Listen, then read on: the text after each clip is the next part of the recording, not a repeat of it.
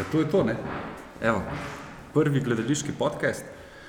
Uh, v bistvu se za njega še nismo čisto odločili, kako bi ga poimenovali. Ne? Sicer smo v tri mesečnik napisali, da bo imenoval se Topcast. To v bistvu je ena ideja, bomo pa videli, če bo to dejansko palilo. Moramo ta prave hashtage najti. Uh, mogoče čisto na začetku te admin zadeve, ki jih tako radi pozabijo ljudje povedati. Uh, do Glejevega podcasta lahko dostopate na spletni strani gledališča Glej www.glej.si, zavihak na desni strani z imenom podcast. Uh, lahko pridete do njega do, preko SoundClouda, www.soundcloud.com slash glej pomišljaj teater slash. Uh, lahko se pa naročite tudi preko iTunesov, kamor so nas ponosno umestili. Uh, glej, drugače ima svoj domicil na spletni strani, že prej omenjeni, na Twitterju smo relativno aktivni, afne gledališče Glej, pa na Facebooku radi objavljamo stvari, ker nam je pa tudi všeč. Uh, kdo bo danes z nami? Jaz sem Rok, naj bi se bavil s PR-jem v Gleju. Uh, pol imamo domačo žival Marka Bratuša, ki je umetniški vodja, sicer danes brez samostalnikov, ker bo v bistvu samo pokazalo, kakšno gledališko sezono bomo imeli pred seboj. Ne? Zaimki. Za zaimki, to je v redu. Uh, pol imamo pa še tri goste, oziroma dve gosti, enega gosta. Uh, prosti gledališki radikal Maruša Majer.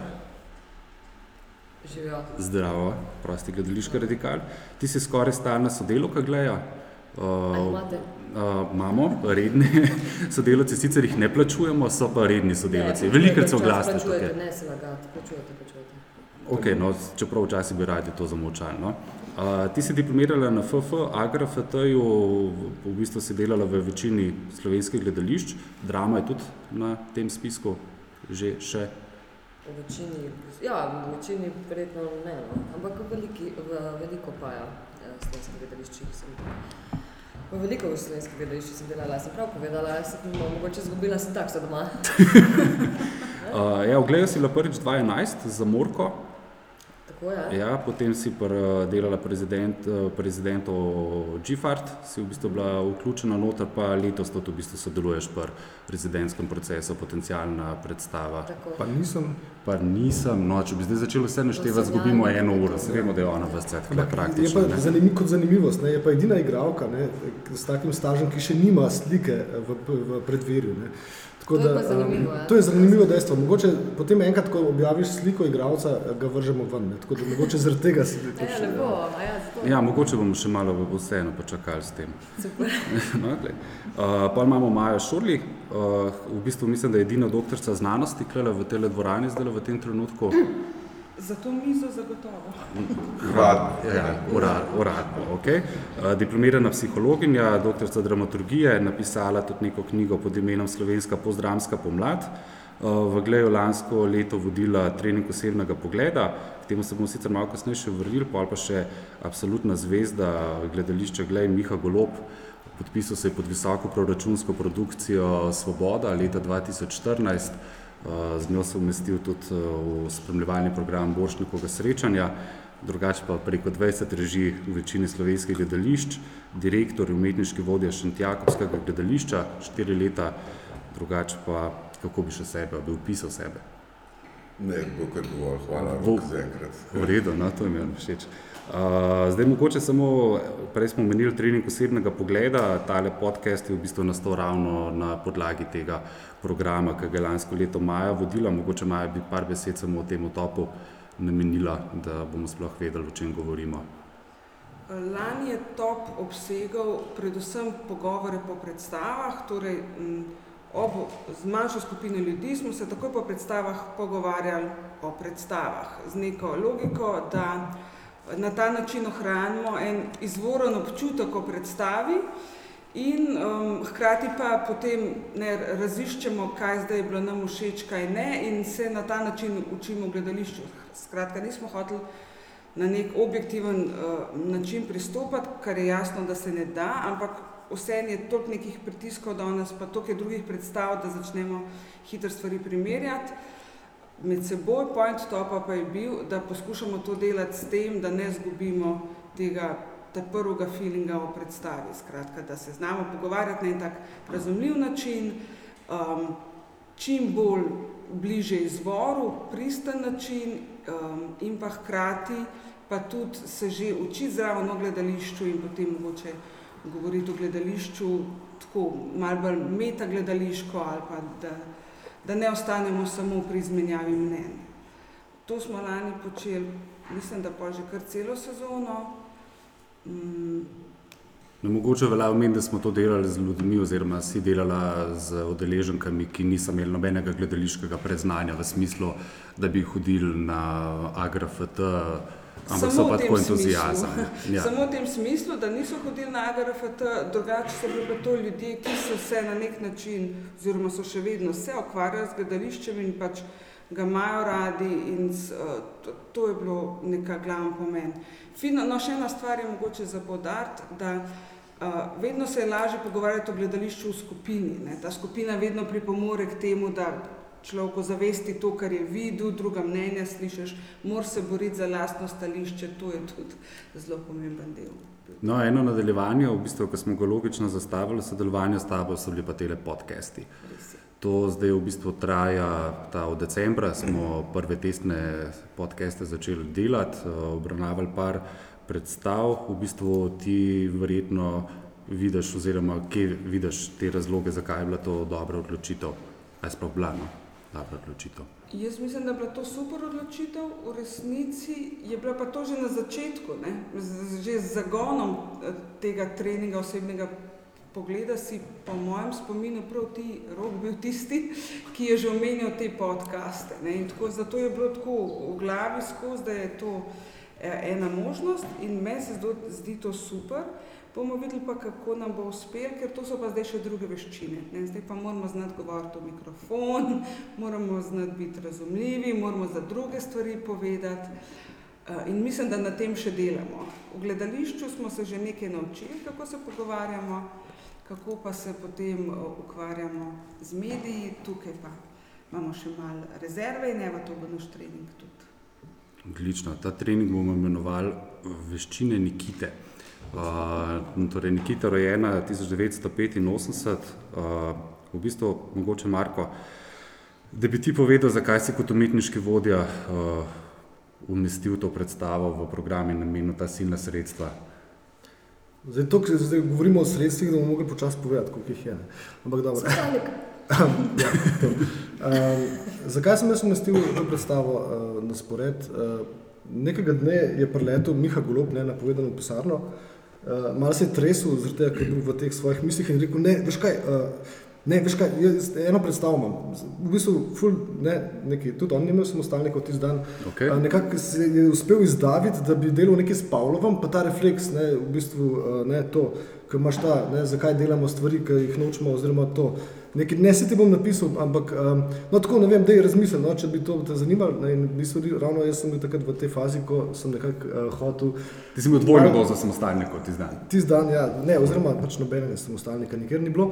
Um, ampak nekako sem začutil, da, da je zelo strastno pristopil uh, do neke teme, ki, se, ki je pa mal mejna. Sprav ni čist gledališka tema, ampak meji mal na znanstveno, kar je v bistvu v tem uh, času mene zelo zanimalo. Ne. Mislim, to je bilo. Um, Tudi potem, ko smo imeli uh, tiste miniaturke v, v koprodukciji z, v preletu za mladinskim gledališčem, in kjer smo v bistvu že zaštartali neko, um, neko nov način produkcije, v smislu, da se iz strokovnih predavanj, ne, iz negledaliških smeri črpa, um, črpa tematika za gledališko ustvarjanje. Ne. Uh, kar pomeni, da je, je Pavlo seveda naletel na, na, um, na plodno zemljo, recimo temu, in potem je dejansko. Um, Čez par mesecev sem dejansko dobil prvi opis, uh, kjer je v bistvu malo nadgradil to še z um, teorijo o samostalniki določenimi in tudi z teorijo okrepitve ne, oziroma spodbude, ne, kjer je v bistvu, um, ne, uh, se bi mogoče bi to kar njemu prepustili, da, kako se je on to na začetku predstavljal. No, um, ampak lahko ti prepustim. Skratka, ampak kar generalno, no, kaj, kar je mene um, prepričalo pri tem, je to, da vedno imam rad, da so ljudje, ki delajo projekte v Gleju, ravno zaradi uh, omenjenih pomankanja sredstev, da so toliko bolj strastni do tega, kar počnejo, oziroma da vidijo res nek razlog, uh, uh, ne samo, da bojo naredili predstavo, pa da bo to še ena črtica na njihovem CV-ju, ampak uh, da pač vidijo smisel, zakaj to početi ravno v Gleju. No, se ob takem pestrem CV-ju je verjetno Miha tisti, ki je moral pač vseeno malo razmisliti, kakšni so tiste glavne razloge, zakaj bi to kle delo. Boš ti kaj povedal o projektu? Ja, bom se navezal na Markota predvsem. a Ne?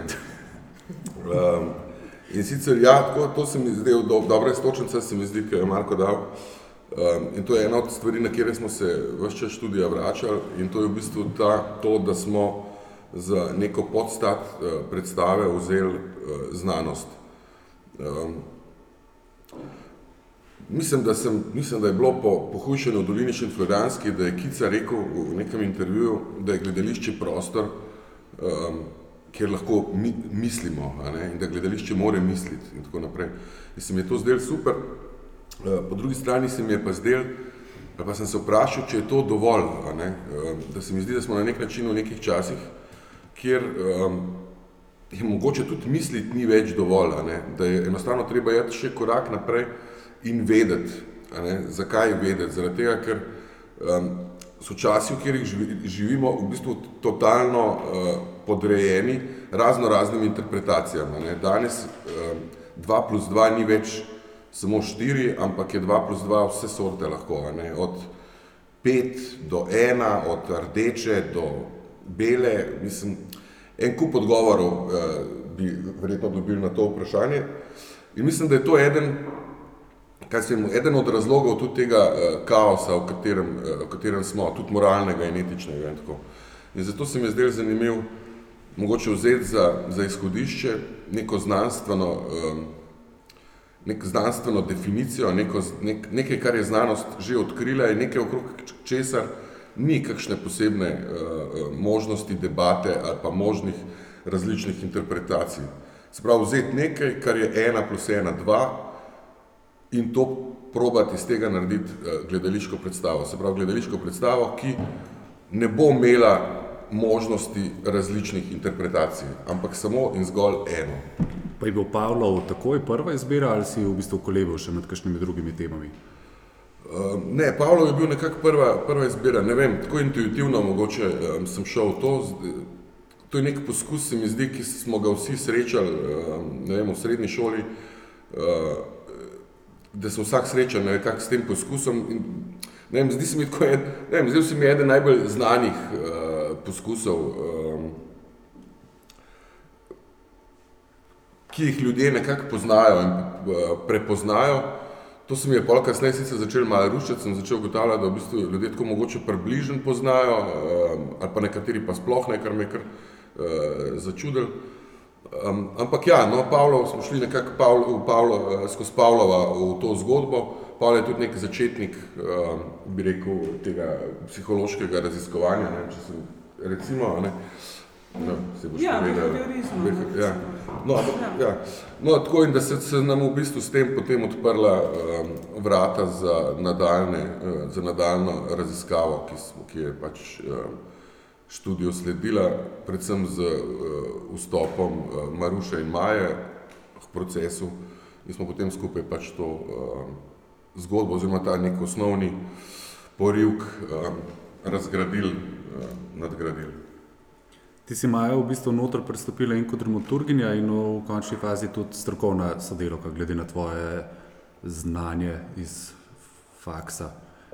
Ja, tako sem se reklamirala, bom rekla. A, temu. okej. ko, sem, ko sem jih upisala najprej, tako veš, imam diplomo iz psihologije. Um, ampak eh, to, pač ta motivacija je bila. Jaz sem prvo prek ne Marka slišala, kaj dela Miha in se mi zdelo, jes, končno nekdo se ukvarja s tem. In potem sem um, napisala najbolj, kar sem zmogla svojo predstavitev.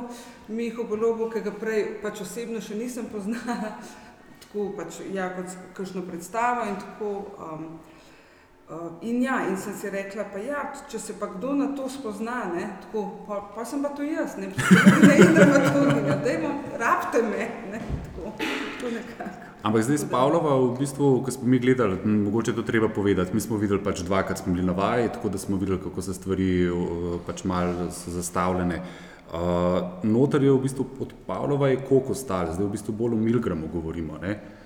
Ja, mislim, da je Pavlo pač nekako, ne vem, ja, jaz čutim, da je pač prisoten. Mislim, se ta pot iz Pavlova ven je nekako mogoče um, je šla mogoče, zelo hitro smo iz Pavlova prišli do psa. In pes kot nek um, človekov najboljši uh, prijatelj, mislim, to je nek stav, ki se nam je zdel vse čas, ali pa se mi je zdel vse čas nekako neko vodilo, ne? kaj hočemo v bistvu na nek način povedati. Ne? Zakaj se je človek izbral glih psa za najboljšega prijatelja, ne? ker je pes poslušen, ne? ker ga uboga, ne? ker ga lahko izoblikuje po svoje, uh, na nek način. Ne? Priden pes je tisti pes, ki je vzgojen, ne? se pravi, tisti pes, ki ne laja, ki ne kaka ne? in tako naprej. In mislim, da to, to pa je ostalo v predstavi, to, uh, ta, ta del no, uh, razmisleka. Ne?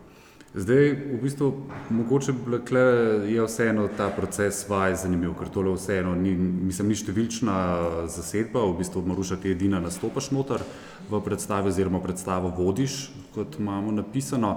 Um, zdaj, noter v predstavi omeniš, da je bila ta tvoja preizkušnja, v bistvu, kako ste sploh prišli do procesa vaj, mal posebna na enem inštitutu, da se je pričela.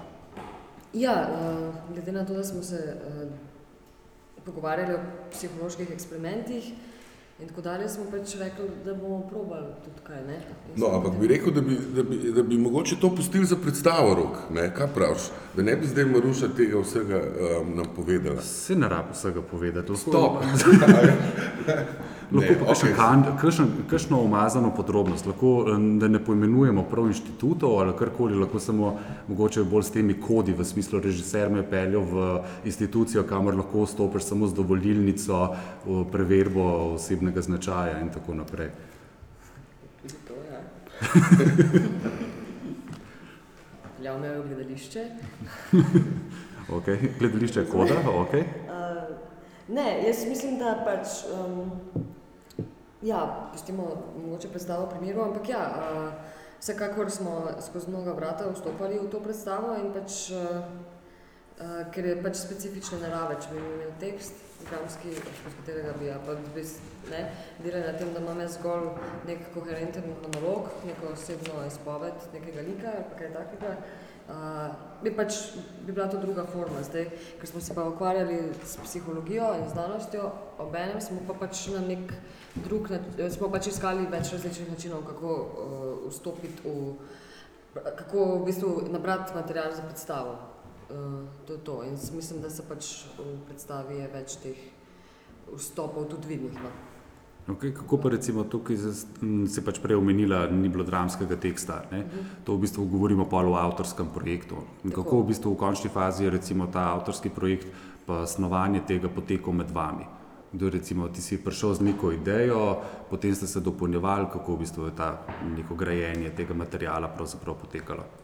Ja, skupinsko delo. Ne. Mislim, vsak je prispeval nekaj, veliko smo debatirali, pa pa dokler se uh, tudi stvari ne probajo na odru, je težko vedeti, kaj bo ostalo noter, kaj ne, pa se potem skozi v, bistvu, uh, v zadnjih fazah izkristaliziral tekst, ne, uh, ki smo ga v bistvu vsi prispevali uh, na tak ali drugačen način, ali skozi uh, odlomkov kakih znanstvenih člankov ali pa naš opis, naši opisi uh, teh eksperimentov ali pa eksperimenta in tako dalje. Mislim, da je bil zelo um, naporen, ampak v pozitivnem smislu, mislim, študij, no, v smislu tega raziskovanja materijala, da smo se kar namatrali no, um, s tem, kako, kako to, kar nekako čutimo vse, ali pa kar smo nekako se poenotili okrog tega, um, kaj bi radi s, to predstavo in s to tematiko, kaj bi radi z tega ven povedali. In mislim, da smo kar nekaj časa porabili, da smo prišli do neke srčike um, tega, kar, ne vem, kar je najbolj združevalo, no, mogoče te neke misli, ki smo jih imeli okrog, pa jih imamo še danes okrog tega. No. In v bistvu to srčiko bi, v bistvu lahko, bi lahko opisal z eno besedo. Recimo, kaj, kaj je tako? Recimo, zdaj, če bi dali na preprosto nalogo, re- recimo, kako, kako bi to predstavo opisal, recimo vsak iz vaše perspektive. Ne, mogoče zdaj tako, no, če, um, če hočemo biti malo skrivnostni, uh, mislim, tako bi, ampak na tem mestu mogoče bi pa mogli reči, ne, da je osnova predstave je ste, uh, Milgramov eksperiment iz leta 61, to je eksperiment o poslušnosti um, in to je eksperiment z elektrošoki. Um, osnova, ne vem, zdaj koliko bi o tem, mislim, eksperiment je dosti poznan, ne, uh, tako mogoče ga ne bi zdaj glih obrazlagal, um, ampak to je neka osnova, uh, osnova pač naše predstave. Tudi material uh, okrog tega je v bistvu že sam uh, profesor Milgram uh, zbral v neki knjigi in to je bila naš, a, naša alma mater, ko smo jo končno uh, odkrili. Ne. Oziroma, ko smo se odločili za njo. Ja, no, tako, ko smo se odločili. za njo. Kaj pa recimo te zintrigiralo, oziroma vas intrigiralo pri tem pojmu poslušnosti, oziroma tem eksperimentu? Ker pač ta eksperiment je bil v končni fazi izvajan tri mesece po začetku sojenja ne, v Jeruzalemu, v bistvu je nekaj spodbudilo ne, in tukaj smo neko poslušnosti govorimo. Ne. Um, ja, um, mislim, to so neke stvari, ki mi grem tudi sam že to ugotavlja, oziroma v predgovoru knjige, uh, ali pa ne vem, to so neke znane teme, ne. Uh, se pravi, to so eksperimenti, ki so bili izvedeni 15 let, 16 let po koncu druge svetovne vojne, um, par let pred uh, Vietnamom um, in mislim, da smo v neki točki, a ne, ki se na nek način upamo sicer, da ne, ne, ampak zdi se, da se nekako vedno bolj nevzdržno približujemo spet neki tej, um, neki tej točki, kjer bojo ta vprašanja postala spet um, zelo aktualna. In um, se bojimo, da takrat, ko bomo se tega zavedali, bo že prepozno za analizo tega ali pa za poznavanje tega, ne. Ko, se bo ta, ko se bo ta domino efekt uh, strukture uh, kako je sistem urejen, sprožil, se ne bo več ustavil. Ne? In takrat bo, takrat bo verjetno prepozen um, zaustaviti stvari, ki se, ne vem, ne, po mojem občutku zelo drastično napovedujejo. Ja, ker je bilo meni recimo zanimivo na teh kontrolnih vajah, je vaše to operiranje v bistvu pravzaprav v tem sistemu, kako istočasno obravnavati maso, torej pač neko tako občo kategorijo nekega prostora in istočasno posameznika vmes. V bistvu, kako ste ta pre, prehod v bistvu delali? No? A ste imeli sploh v končni fazi to načrto, da ste se z obema kategorijama? Ja, ne, ja, to, ne, to je, mislim, da je to del tega eksperimenta. Ne. Se pravi, zdaj mogoče moram vsem povedati. Ne. Se pravi, v eksperimentu nastopajo, uh, nastopata dve poskusni osebi, to sta učitelj in učenc in pa um, vodja poskusa. Um, zadeva med učiteljem in učencem poteka na način, da učitelj postavlja vprašanje učencu in učenc na nje odgovarja. Za nepravilne odgovore dobiva elektrošoke in, veliko, um, in za vsak naslednji nepravilni odgovor dobiva močnejši elektrošok. Poskus se ukvarja um, s tem, kako daleč, bo, uh, kako daleč bo učitelj šel v tem poskusu in ali bo zadal uh, končno najvišjo možno 450 V elektrošoka. In Milgram sam se tle ukvarja v bazi na tej osebni, ne, na tej osebni zgodbi enega, ene od poskusnih oseb, hkrati nam pa to govori v nekem širšem kontekstu. Ne, cel sistem uh, družbeni je urejen po tej neki hierarhični um, strukturi avtoritete, um, tako se lahko napreduje v družbi, tako lahko v družbi sploh na neki smislu obstaneš in tako naprej. In se ukvarjam, igram tudi na tem, na tem nekem splošnem, uh, neki tej splošni analizi uh, sistema kot takega. Ne, ne no, tako, recimo, da. Ja, mislim, jaz, posameznik ali pa masa, se se temu ne da izogniti. Ne. Pač, ja, mi govorimo, v končni fazi smo si brali tudi eno od teh, mogoče malo bolj neutralnih zgodb, uh, neke pač poskusne osebe, za katero se recimo meni zdi, da je bilo največ takih, po karakterju, karkoli bi že to pomenilo, ali pa da, da, to, da smo se mi izbrali najbolj tipično, čeprav so lahko si ljudje, recimo, ki sodelujejo v tem poskusu, seveda zelo različni. Ampak to, kar je pač že Miha povedal v končni fazi, kljub temu, da mi kažemo en, enega človeka, to govori pač o načinu, kako funkcionira. Zato, ker se potem, ker se potem v tem strukturi, ne, hierarhični, ko začne ta avtoriteta štimati in šibati, ne, eh, se v bistvu prelaga odgovornost. No. To je ta, bi rekel, zbrav, eh, ena ta osebna, na, na tem osebnem posameznem nivoju bi rekel, da je to vprašanje morale in etike. Ko se pa začne to širiti naprej, pa to vprašanje odgovornosti ne, um, in kako se ta odgovornost v sistemu prelaga. Če sem tako zelo konkreten, ne, mi recimo ful skrbimo za to, da bomo imeli ustavo, zakone, razpise, da bo vse to funkcioniralo. Vidimo, da ne funkcionira, ne, v bistvu pa kaj se dogaja? Dogaja se samo to, da se samo odgovornost predstavlja ne, iz papirjev razpisa na papirje uh, zakona, iz zakona na ustavo. Mislim, v glavnem v končni fazi ni nihče kriv. Ne? Um, in to za najmanjšo stvar. Ne? Um, vsak, najde, vsak element družbe najde nek drug razlog oziroma nek drug izgovor za kakšno svoje deviantno delovanje. Zdaj, mogoče ne bomo preveč povedali, če bomo rekli, da pač ti Maruša nastopaš v tej predstavi v različnih vlogah, torej da se znajdeš na Ja, različnih teh po, pozicijah. Kako v bistvu si ti prehajala med temi vlogami, oziroma katere si videla ti, da se prav konkretizirajo te neke ideje v tvoji tej igralski poziciji?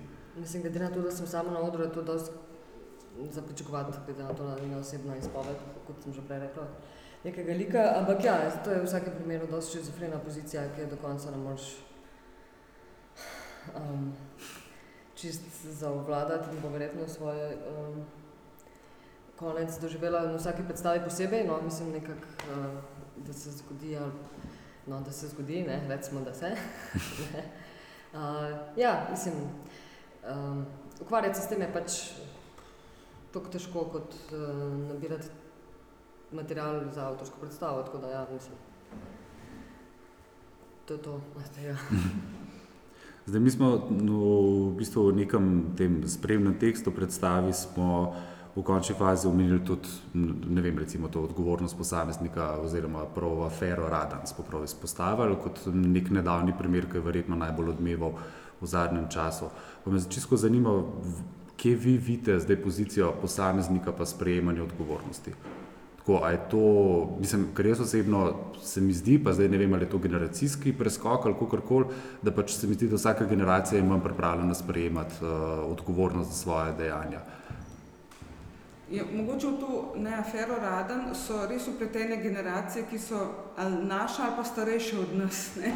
In vidimo točno tako, mislim, sej, oni tudi niso pripravljeni ne sprejeti odgovornosti. Tako da to, mislim, to nam je bila ena od asociacij, nismo se s tem pretirano ukvarjali, ampak videli smo, da če pa želimo, bi se pa lahko tudi s tem malo bolj natančno ukvarjali, ampak nek tak površen pregled te afere je pokazal, da v končni f- najbrž se bo zgodilo to, da edini, ki bo za karkoli obsojen ali pa ki je v očeh javnosti odgovoren, je pač ta zdravnik sam. Ne? Ampak on je imel tako nadrejene kot medicinske sestre in tako naprej. Dobro, se kakšni so tudi že odstopili nad njim, ampak meni se je osebno zdelo zanimivo, da To pač, da imamo točno te izjave. Jaz nisem odgovoren za njegovo početje, napačno se je meni pripisovalo odgovornost za njegovo početje in tako in tukaj. Ne, je veliko elementov, kjer bi, lahko, kjer bi se recimo lahko žvižgači pojavili že prej, um, pa se niso. Ne, žvižgači mogoče so neka stvar, ker nam je v 21. stoletju malo bolj prisotna. Um, in taki primeri se bodo spet pojavljali. No. Vsi so tudi izbrisani en tak primer, ne, ki se spet prelaga odgovornost in tako naprej. Skratka, to je v tem smislu je večna tema in meni se zdi bolj, da to uprizorimo zdaj, pa upamo, da se bo to čim manj pojavljalo, pa da bomo mogoče zastareli, kot da res pride do tega, da bo to zelo aktualno. No, ampak vi ste tukaj vseeno še dali to logiko, ne, da pravzaprav zmeraj kot te avtoriteti po odgovornosti ne, govor- govorimo, se zmeraj nekako vsi naslanjamo na to, da to odgovornost, odgovornosti ne sprejemajo sem najvišje avtoritete. Ne. Medtem, ko klele se pa naredi vseeno nek preskok tudi na to najnižjo raven. No, to se mi zdi en super, super poanta, m, pač se tega vidim. No, na Ja, se, vajah, se se po tej, po tej premici smo se kar premikali, no, tako bi rekel, odvisno od, eh, š- eh, odvisno od časa, mislim, od obdobja študija, no, da smo nekaj časa bili na strani posameznika, pa smo se ukvarjali z njegovo odgovornostjo, pa se potem prestavili na stran njegovega nadrejenega, pa se ukvarjali z njegovo. Ne. Uh, ja, no, to je pač neka vzajemna, uh, neka vzajemna igra, uh, to mora biti jasno ne, nam vsem. Ne. Uh, mislim, zdaj mogoče tako govorimo na, na, na splošno, se pravi, mislim zelo konkretno. Ne. Mislim, kaj bomo naredili, kaj bo, mislim, vsak bi se mogel vprašati, ne sploh tisti, ki tako navijajo za orožje in tako naprej, bi se mogli vprašati o tem, ne, kaj bodo naredili v situaciji, ko bodo postavljeni pred to, da bodo mogli streljati. Ne. Um, vemo, kako, ne vem, če vzamemo te naše primere, ne, ne vem, povojni poboji in tako naprej, kdo je v tej verigi bil odgovoren in kdo bi to, to verigo lahko prekinil. In um, ljudje, ki so bili na koncu te verigi, se pravi, ki so dejansko držali prste na petelinu, bojo rekli, da niso imeli možnosti uh, um, to spremeniti. No in sprašvali smo se, a je res tako, a ne? Ako bom obkrožen z nekimi ljudmi, ki bodo od mene zahtevali, da ne vem, sovražniku nekaj naredim, ne, kaj bom naredil, ne, a bom, mislim, če ne bom tega naredil, bo pa moje življenje uh, uh, pod vprašajem. a Ne. In um, kako se v tem momentu ne? ali se odločaš za življenje ali za neko moralno in etično čistost. Ne? In absolutno se uh, nagibamo k temu, oziroma iskali smo te uh, variante in razloge, da bi še potrdili to našo vero v to, da uh, se moš ne glede na to, kaj, to, kaj to tebi prinaša, uh, odločati seveda za, um, za neke etične standarde, ki jim um, zaupaš in jim verjameš, ne? Uh, in ki jih upam, u, u, za katere lahko upaš, da jih imaš. Ne? To je skoraj pacifistična drža, ne? kako pol naslov Nikita. Strogo pacifistična država. Strogo pacifistična drža in potem militantna Nikita. Kje je ta naslov? naslov? A je to tudi malo spoiler, a ne? Ne, ni mi Aha, no, pa kar povej. Meni je bil všeč, pa smo, pa so pol, pa smo našli pol. Mislim, predvsem jaz sem se trudila z argumenti. bila- Pa so, mislim, da kar držijo zdaj. No. No, smo se, ja, smo se, veliko smo se pregovarjali, mislim, pregovarjali, no. Razmišljali tudi okrog tega naslova. Ne, mislim, da smo zdaj na koncu vsi no, z njim zadovoljni in uh, Ja, jaz mislim, da če bi bil Pavlo tista prva intuicija, je bila Nikita tista druga intuicija, tudi zelo odločilna za to predstavo. No, mogoče treba povedati, da v bistvu predstava bi se kmalo drugače imenovala. Ne? In sicer eh, ja, ti Pav- povej, da je čisto do zadnjega. Ne, No, v bistvu je prišlo do mailanja o tem, o kateri je zdaj ta naslov, oziroma za zbiranje, kako je bilo Marko, v bistvu zbiranje materijala za prijavo na Ja. razpis. Ne, delovni naslov predstave, Delovni treba naslov. povedati, je Tako. um, Pavlov, imaš zdaj vse. Tako, ja. Ne, uh, to je delovni naslov predstave, zaradi tega, ker pač nek- nekaj sem mogel dati na, na, na un list, se pravi obrazec 4 je bilo treba od zgoraj napisati, kako je naslov ali pa delovni naslov. In potem sem pač napisal mail Mihatu, ki mi je odgovoril Pavlov. In pol je pač v naslednjem Ne, vrstici ja, kako je naslov, ne? Ja, kako je naslov sem napisal, on je napisal Pavlov, med spodaj me je vprašal, če imam zdaj vse, ne, imaš zdaj vse. Tako da jaz sem pa pač oboje skopiral in dal gor. ne, tako da- jaz pa čez nekaj časa, ne vem koliko, deset dni ugotovim, kaj je zdaj to Pavlo, imaš za vse, kje je zdaj ta naslov? A Ja, kolofon. Tako da, tako da eh, Nikita, rojena eh, 1985 in Pavlo imaš zdaj vse, niti ni, ni tako drugačno. ne, Ja, Tako praktično kar isto. blizu, ne. Ja, praktično isto. To. Uh, ne vem, jaz v bistvu klenem na te točke, ker drugače bomo zelo spuščati začeli v, Spoiler. v je. spoilerje in tako naprej. Uh, ne bi šel, mogoče, Marko, imaš še ti kakšno vprašanje? Je treba priznati, da je Marko vestno pisal klele uh, oblokec, uh, smernice, kaj bi še lahko vprašali. tako da- No, jaz mislim, da smo generalno zaobjeli to eh, pokrajino, v kateri se nahaja Nikita.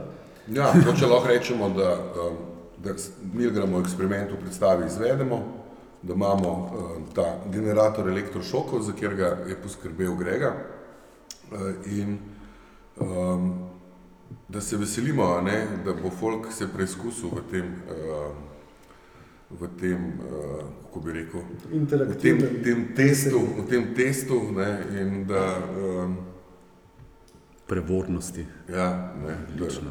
da bo mogoče kaj spoznal vse, kar misli, da ni tako, kot misli, da je. Recimo, če zdrži 450 voltov in nima Recimo, nobenih ja, posledic, recimo. te malenkosti. Super, ker je po v bistvu ta podcast istočasno poteka v obliki novinarske konference, bom vprašal še množično novinarsko občestvo, eh, če je kakšno vprašanje, mogoče. Koliko potem je v predstavi, se pravi, ste vi dva? Jaz samo jaz nastopam. Aha, vse, vse tri in malo. in še kakšno vlogo več. Ampak In, ja. in še koga prosim za pomoč. Če, če bom potrebovala pomoč, jo bom prosila. Sem strani ekipe, strani ekipe nastopa samo Maruša. Tako. Tako, ja. Tako. Koliko smo treh vlogov več? Ja. Več kot. Več kot Ja, je treba še kaj vzeti. Ja. Ja. Hm, ja. Ona zna internete na pamet, pa vse vloge vlada. Kaj znam na Vse internete, Internet je vse. vse internete znaš na pamet. To je to. Še kdo iz publike mogoče kakšno vprašanje imel? Kot vedno. No, Tako, v ja. bistvu, Ne, če, a, lahko še A, tudi ta- a se nekaj. recimo- Ravno sem z dramaturginjo eh, se ste se- ok, konsultacija. Konsultirala, kaj bi še lahko po- povedal. In mogoče za konec, no, tako kot eh, tako zanimivost, ne, ali pa kot en tak um, cukrček. Eh, to tudi Milgram sam v knjigi opisuje kot nek primer, kot nek primer poskusa, uh, tazga, ki ga lahko vsak proba pri sebi uh, in o čem, govori, uh, o čem govori predstava ali pa o čem govori ta problem um, avtoritete. Ne? In Milgram tam pravi, uh, zamislite si, zamislite si eno osebo, ki jo zelo dobro poznate in jo tudi zelo dobro uh, in jo tudi zelo spoštujete, da imate do nje spoštljiv odnos, um, jo visoko cenite, ampak to ni neka oseba, uh, nekje, ne vem, ki je ne poznate, tako kot sem rekel, ampak nekdo, s katerim komunicirate. Uh, in to mora biti neka oseba, ki jo, uh, ki to, ki to spoštovanje in tako naprej izkazujete tudi s tem, da jo vikate. In zdaj si predstavljate, zamislite si, da za poizkus se boste odločili, da boste zdaj nas šli do nje, do te osebe in da jo boste potikali. In da boste rekli, uh, o, živijo Maja, kako pa ti kaj zdaj danes pa to. Mislim, se pravi, brez tega, ne vem, jaz sem si recimo profesorja zamislil, ne? Uh, ko, sem to, ko sem to prebral. Uh, no, in se pravi, to no. Če Zdaj pa to sprobajte. Zdaj pa to sprobajte, ne? se pravi, določite to osebo in pejte zdaj do nje in jo um, mirno potikajte brez pač problema, To je lahko naslov, mirno potikajte osebe okrog vas. Uh, če lahko. ne, ampak se pravi, ta občutek, ki ga imaš ob tem, je ekvivalent čemu? Je, Kako težko je v bistvu um, Aha, upreti. avtoriteti se opreti, ne, da ti Ja. rečeš, živijo milče, kako je v zadnjih 30 letih, ki nisi kaj dosti režiral. Ne, ali pa kako je zdaj v penzionu, naprimer, če že imaš. Ne, ne vem. Govorimo o gospodu Mile Korunu. Pa nis, ne vem, kako se, ampak tako, da probaš najti še recimo nek, če bi bil nek vzdevek njegov, skratka, da bi res porušil ta razmerja, kak, a si sam sploh zmožen tega narediti, kaj je to spostaviti tako. Ja. Jaz sem hotela samo še eno stvar povedati, tako, da mogoče lahko omenimo še, da imamo v predstavi uh, dva komada od slovenskih ustvarjalcev, Vande in Nova Deviatorja, um, ki sta vesela, da lahko sodelujete z nami. Um, Pa kvota so izpolnjene, tako da to je pa Ja, sploh tako, tako. ja, no, To je, že, to je kvota, je ne? Uh, ne, ni zaradi tega, mislim, da ste se odpovedala pravicam, tako da ni Ah, bilo kinec, Pa ne pojete v slovenščini. Ne? Še, še ta udarc. Pa A Ja, pa to ni v bistvu sploh slovenski komad potem. Ja, pa bomo pa se dar. To so te. lahko gre na Eurovizijo. Eh, Lahko gre. No, to je istočnica, da zaključimo. Hvala vsem.